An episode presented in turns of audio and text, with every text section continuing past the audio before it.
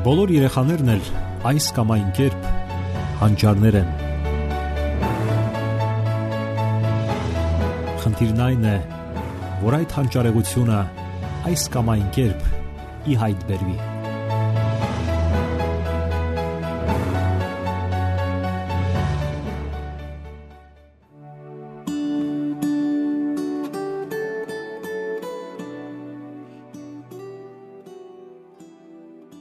Բարև ձեզ, սիրելի ռադիո լսողներ։ Եթերում դասերակցություն հաղորդաշարն է։ Ինչ կարելի է անել երեխաների բարօրության համար։ Որն է այն խելամիտ սահմանը, որտեղ գործում է ծնողական հեղինակությունը։ Ինչ տարբերություն կա դասերակել եւ օգնել, որ աճի հասկացությունների միջև։ Այս հարցերն անկասկած մտահոգում են յուրաքանչյուր ծնողի, ով իսկապես ցանկանում է խելամիտ եւ արդյունավետ դասերակցություն տալ իր երեխային։ Եվ այսպես, ով է մեծահասակը։ Նա մի անznավորություն է, ով ունի գիտելիքներ, իմաստություն եւ բարոյական սկզբունքներ, եւ նա կոչված է այդ բոլորը փոխանցելու երեխային։ Ասենք, որ այս կարևոր գործընթացից էլ սկսվում է ամեն ինչ։ Ինչպես անել, որ այդ գործընթացում տեղ չունենան բռնությունը, հարկադրանքը, պարտադրանքը, ուժային միջոցառումները։ Այս ամենի փոխարեն հարկավոր է օգտագործել մեկ այլ հասկացություն՝ օգնել, որ երեխան աճի ու մեծանա որpիսի գա այն պահը, երբ նա կարողանա հասունանալով մտնել մեծահասակների միջավայրը, ապրի ինքնուրույն։ Չէ որ մի օր գալու է այն պահը, երբ մեծահասակը ետ է քաշելու իր зерքը եւ երեխան մնալու է միայնակ, որովհետեւ այդ նախկին երեխան արդեն ունի իր սեփական ուժն ու գիտելիքները, իր անհատականությունն ու մարդկային կերպը։ Ահա այստեղ ավարտվում է ծնողի առաքելությունը։ Արդեն մնում են անznական զգացմունքները միմյանց հանդեպ՝ սերն ու բարեկամությունը։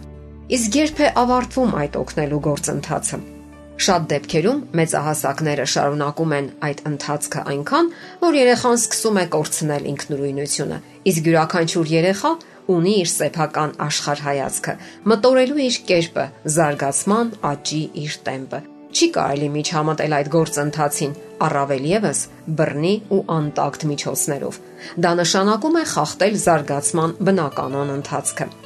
Ծնողներից պահանջվում է լինել այնպիսի օգնականներ, ինչպիսին են լավ այգեպանները։ Նրանք ջրում են, խնամում, պաշտպանում, այլ ոչ թե գնում են գագաթից եւ ուժով վեր ձգում, որpիսի արագացնեն աճը։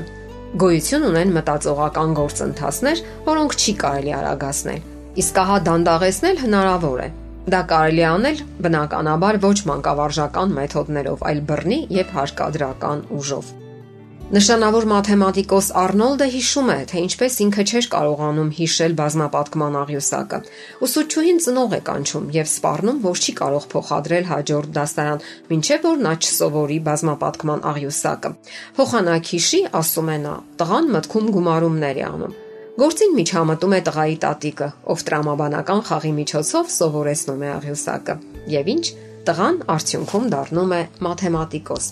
որովհետև ոչ թե ցանկանում էր մեխանիկորեն հիշել, այլ ցանկանում էր հասկանալ։ Մինչ դպրոցում սպառնում էին, տատիկը խաղի է վերածում ուսումնառության գործընթացը։ Պարզ է դառնում, որ միայն հրահանգներով, մեթոդներով եւ առաջադրանքներով երեխան չի կարող դառնալ ստեղծագործ անznավորություն։ Այդ կարծիքին է նաև հոգեբանական գիտությունների դոկտոր Յուլիա Հիպենրեյթերը։ Նրա կարծիքով երեխան պետք է ժամանակ ունենա ստեղծագործական մտահղացումների, խաղերի ու վերլուծությունների համար։ Կամային անznավորություն ծնվում է միայն այն ժամանակ, գրում է նա, երբ երեխան աճում է ազատության, նախաձեռնության, հետաքրքրասիրության ու որոնումների մթնոլորտում։ Կամային անznավորություն Այսպիսին ենք մենք ցանկանում տեսնել մեր երեխաներին իսկ կամքը դա ազատ էներգիան է։ Կամային անznավորությունը նա է, ով ունի այդ էներգիան, անելու այն, ինչն իսկապես հետաքրքրում է իրեն։ Ահա թե ինչու պետք է հասնել այն բանին, որ երեխան հրապուրվի թե դասերով եւ թե արտադասարանական պարապմունքներով։ Ֆիզիոլոգ Պավլովը մոռանում էր ստանալ աշխատավարձը, ճաշել, այնքան որ սիրում էր իր հետազոտություններով զբաղվել։ Նա պարզապես կլանված էր դրանցով։ Կենթանի աշխուժ հետաքրքրություն պետք է զարգացնել երեխայի մեջ, այսպես ասած ոգեշնչել։ Սա պետք է լինի յուրաքանչյուր ծնողի եւ ուսուցչի պարտականությունը, եւ ոչ թե սпарնալիքներով կամ հարկադրանքով։ Երեխաների մոտ հակառակության հոգին առաջանում է այն ժամանակ, երբ իրեն պարտադրում են, երբ չեն ցանկանում հասկանալ, թե իրականում ինչ է ուզում ինքը, ինչն է իրեն հետաքրքրում։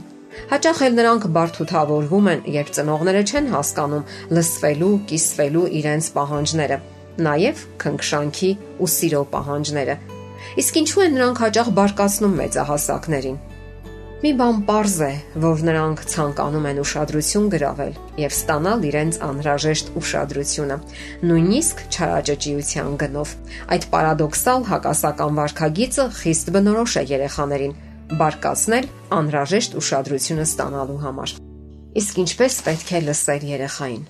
Սա հետաքրքրում է աշխարի բոլոր ծնողներին։ Ինչպես եւ կարելի է ենթադրել, հարկավոր է լսել ակտիվ Հարցադրումներն առանձնակի օգուտ այստեղ չեն տալիս։ Երեխան ինքն էլ հնարավոր է դժվարանա պատասխանել շատ հարցերի, կամ էլ կլռի, թերևս ինչ որ կարճ անկարևոր բան ասի, որpիսի հանգիստ թողնեն իրեն։ Չէ որ նրանք դեռևս չեն կարողանում կոնկրետանալ, հասկանալ հույզերի լեզուն, զգացմունքների նրբերանգները։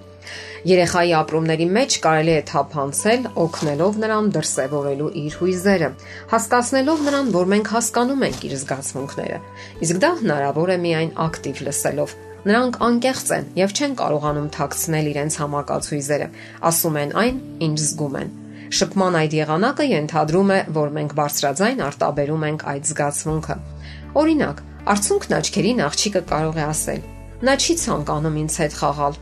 իսկ մայրը կարող է արձագանքել. Ես հասկանում եմ, որ դու վիրավորված ու բարկացած ես։ Սրանով նա հասկացնում է, որ երեխայի ապրումները կարևոր են իր համար։